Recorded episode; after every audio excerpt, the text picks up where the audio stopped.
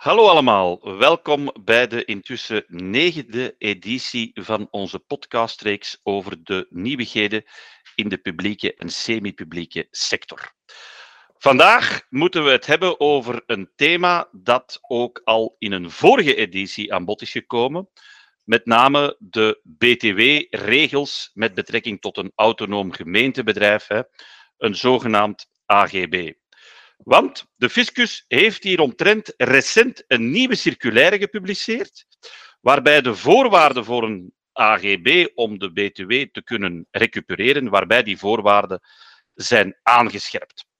En wie kan hier beter toelichting over geven dan uh, Wouter Villet, leading partner public sector bij PwC. Wouter is in goed gezelschap. Hè van uh, Nicole uh, Geukes en Geert Schelkes, respectievelijk senior manager en partner bij PwC, beiden gespecialiseerd in accountancy. Want u zal merken dat de nieuwe regels ook een impact hebben op de boekhoudkundige verwerking. Goedemorgen, Wouter. Goedemorgen, Tim. Vooraleer de nieuwe regels toe te lichten, kun je eerst aan onze luisteraars even duiden wat nu weer de voordelen zijn van de oprichting van zo'n AGB? Ja, Tim, zeker. Ehm, een AGB heeft vele voordelen, of kan vele voordelen hebben. Maar we zijn hier aan het spreken over de nieuwe BTW-circulaire. Dus ik ga ervan uit dat je bedoelt op het vlak van de BTW. De voordelen inderdaad op het vlak van de BTW. En eigenlijk zijn die redelijk simpel toe te lichten. Um, op het vlak van sport en cultuur kan je met een AGB onder de BTW komen. Wat wil dat zeggen? Dat wil zeggen dat in tegenstelling tot een gemeente, een AGB sportinfrastructuur en culturele infrastructuur kan uitbaten met BTW. Dat betekent dat de burger bij gelijke prijs in zijn toegangsticket ook 6% BTW betaalt. En dat verlies je natuurlijk als overheid, want dat moet je doorstorten aan de federale staat. Maar tegelijkertijd krijg je ook 21% recht op aftrek. En dat is winst hè, in de situatie dat je dergelijke exploitatie doet met een AGB ten opzichte van uh, in hoofden van de gemeente zelf. En dus eigenlijk komt het erop neer dat je met eenzelfde budget op het vlak van sport en cultuur een 15, uh, 15 groter aanbod kan realiseren voor de burger. Daar komt het op neer. Duidelijk. Maar om die BTW te kunnen aftrekken, zullen er ongetwijfeld voorwaarden moeten worden nageleefd. Dat is juist, uh, Tim. Een AGB moet uh, op het vlak van de BTW een winstoogmerk hebben. En in BTW-termen betekent een winstoogmerk hebben, dat betekent dat je winst moet uitkeren. En om winst te kunnen uitkeren, moet je natuurlijk winst hebben. Sport en cultuur, dat weten we, die zijn vaak verlieslatend. En binnen de gemeente zelf zal dat wat minder opvallen, omdat die, uh, dat verlies wordt gedekt door de algemene middelen van de gemeente. Maar op het ogenblik dat je die activiteiten er gaat inbrengen in een AGB, dan wordt dat dus duidelijk dat die verlieslatend zijn. En dan moet je als gemeente die activiteiten gaan subsidiëren. En sinds 2016 is het duidelijk geworden dat om tot winst te komen in zo'n AGB, enkel de prijssubsidies mogen uh, worden opgeteld bij de uh, eigenlijke ontvangsten van dat AGB. Dus dat AGB uh, eh, in ticketten van, van de burgers, hè, die de sport of culturele infrastructuur bezoeken, met die ticketten alleen maakt het AGB verlies. En in 2016 is gezegd, kijk, uh, om, om tot winst te komen, mag je geen subsidies meetellen, tenzij de befaamde prijssubsidies. En eigenlijk dat systeem dat in 2016 van kracht is geworden, dat wordt nu herhaald in die nieuwe circulaire. Oké. En Nicole, dan kom ik bij u. Prijssubsidies, Wouter heeft het uh, uitgelegd.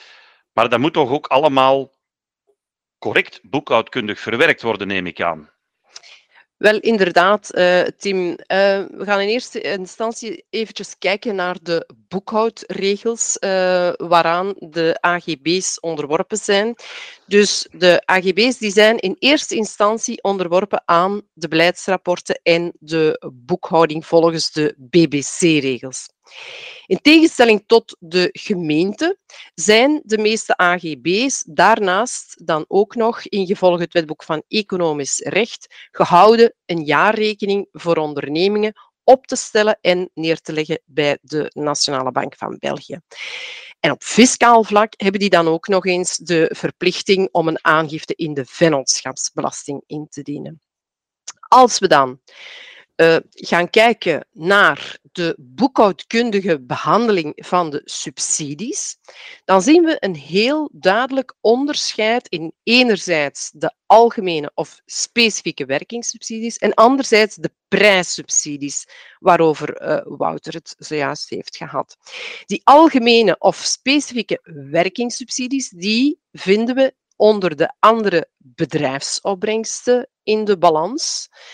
En die Prijssubsidies uh, daarentegen, die vormen inkomsten. Die zijn een onderdeel van de opbrengst die rechtstreeks te maken heeft met de levering van de dienst. En die worden dus als omzet geboekt. Die worden als omzet geboekt op een specifiek daarvoor voorziene rekening binnen het minimum algemeen rekeningstelsel. Het boeken op die aparte rekening zorgt dan natuurlijk ook voor de nodige transparantie van dat soort transacties tussen gemeente en AGB. Dan tenslotte moeten ze ook nog uh, de, de te betalen BTW over die maatstaf van heffing moet er geboekt worden, waar die prijssubsidies dus een deel van uitmaken. En heel belangrijk is hier, in dit verband, dat die BTW wordt opgenomen in het tijdvak waarin die BTW opeisbaar is geworden, omdat we hier in een specifieke B2G-context zitten. Dat betekent dat de BTW in principe opeisbaar is op het moment van de ontvangst van de betaling. Helder, Nicole. Om daar even terug op voor te gaan, ik, kom ik terug bij, bij u, Wouter. Dus het is duidelijk, Prijssubsidies die mogen door de gemeente aan het AGB toegekend worden. Werkingstoelagen die zijn uit een boze hè, voor die BTW-aftrek. Maar, hè, en dan komen we bij die nieuwe circulaire, waar ligt de grens tussen de twee? Hè, wat is precies een prijssubsidie? Wat is een werkingstoelage? Kun je ons daar wat meer duiding over geven? Wel, eigenlijk is er uh, niks nieuws momenteel omtrent ten gronde wat een prijssubsidie is uh, ten opzichte van het, wat we al wisten in 2016. Maar eigenlijk zijn er nu formele regels gekomen in die nieuwe circulaire om die prijssubsidies te herkennen en te onderscheiden van andere uh, subsidies. En die regels die zijn nu scherp omschreven, formele regels, en die hebben zowel BTW-aspecten als juridische aspecten en boekhoudkundig impact. En dat is de verdienste van deze circulaire, is dat die regels nu gemakkelijker zijn geworden voor een AGB. Om te zien, voldoen mijn subsidies nu aan die definitie van prijssubsidie? Maar als ze gemakkelijker zijn geworden voor een AGB, dan zijn ze dus ook gemakkelijker geworden voor de controle. En wat wij vooral verwachten, hè, zonder in de techniciteit van die regels in te gaan, wat wij verwachten is dat die formele regels die er nu zijn, ook aanleiding zullen geven tot meer controles. En dat is eigenlijk gevaarlijk. Want um, als de subsidies niet langer gaan kwalificeren als prijssubsidies, dan zijn de gevolgen op het vlak van BTW enorm. dus de, de, de, de autonome gemeentebedrijven, verliezen hun recht op aftrek van de BTW. En dat heeft niet alleen een impact op de toekomst, ook de vroeger afgetrokken BTW op grote investeringen in sport en cultuur, denk maar aan de gebouwen, die komen dan in het vizier van de fiscus. En de fiscus riskeert dan, of kan dan, uh, een groot gedeelte van die historisch afgetrokken BTW-bedragen komen recupereren bij de AGB's. En dat is natuurlijk een situatie die de AGB's wensen te vermijden. Ja, dus inderdaad, een, een groot risico op onverkwikkelijke BTW-gevolgen. Kan daar dan boekhoudkundig op geanticipeerd worden, Geert? Zeker, Tim. Wat uh, Nicole er juist al heeft toegelicht, is op welke manier dat uh, prijssubsidies en werkingssubsidies moeten verwerkt worden. Maar als je dat um, naast het, het verhaal van Wouter legt, is het zo dat we vaak zien in de praktijk dat er uh, de periodieke verwerking van BTW en de boekhoudkundige verwerking, dat die niet uh, op elkaar zijn afgestemd of niet juist op elkaar zijn afgestemd. En dat is um, zeker in het kader van waar de circulaire duidelijkheid in geeft, uh, is van een groot belang om, dan, om dat nu eigenlijk op dit moment uh, één goed te bekijken, maar ook goed op te anticiperen um, om te zorgen dat er geen risico op btw-verlies is. Ja, dat lijkt mij inderdaad een zeer belangrijk aandachtspunt. Een slotvraag voor u nog, Wouter. We hebben het over die nieuwe regels gehad. Wanneer treden die nu eigenlijk in werking? En welke acties moeten lokale besturen nu ondernemen om, om conform te zijn met die nieuwe regels? En, en kunnen wij daarbij eventueel helpen?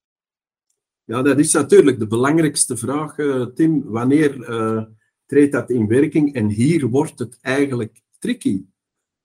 Want in de circulaire staat dat dit systeem dat daarin beschreven wordt, van toepassing wordt op 1 januari 2023. Hè? Dus uh, binnen, binnen een dikke maand. Maar eigenlijk uh, is, het, uh, is het nu al het moment om actie te nemen. Want een van de voorwaarden, een van die formele regels waarover ik daar juist heb gesproken, die zegt dat de prijssubsidies voor het boekjaar moeten vaststaan. Met andere woorden, voor 1 januari 2023 moeten al die formele regels wat betreft het tot stand komen van de prijssubsidies geregeld zijn. Met andere woorden, voor 1 januari 2023 moeten de gemeenten in orde zijn en met hun prijssubsidiereglementen ten opzichte van hun AGB's als ze sport- en cultuurinfrastructuur uitbaten met een autonoom gemeentebedrijf. En wat wij daar kunnen doen voor de steden en gemeenten, ja, dat is, uh, dat is helder, lijkt mij. Wij hebben uh, prijssubsidiereglementen die uh, getoetst zijn aan deze nieuwe regels. En wij kunnen dus de steden en gemeenten bijstaan met het nazicht of dat hun huidige reglementen inderdaad nog voldoen aan die nieuwe formele regels. En zo niet, uh, kunnen we die corrigeren. En als ze er wel aan voldoen, ja, dan kunnen we de steden en gemeenten comfort geven dat, uh, dat uh, de nieuwe regel voor hen geen onaangename verrassingen gaat teweegbrengen. Oké, okay, maar ik begrijp dat er wel onmiddellijk nu moet gereageerd worden en gekeken moet worden naar die prijssubsidiereglementen. Absoluut. Bedankt Wouter, Nicole en Geert voor jullie deskundige toelichtingen. Voor iedereen die deze podcast beluisterd heeft, zeer veel dank. Hopelijk hebben jullie er iets aan en tot hoors. Dag.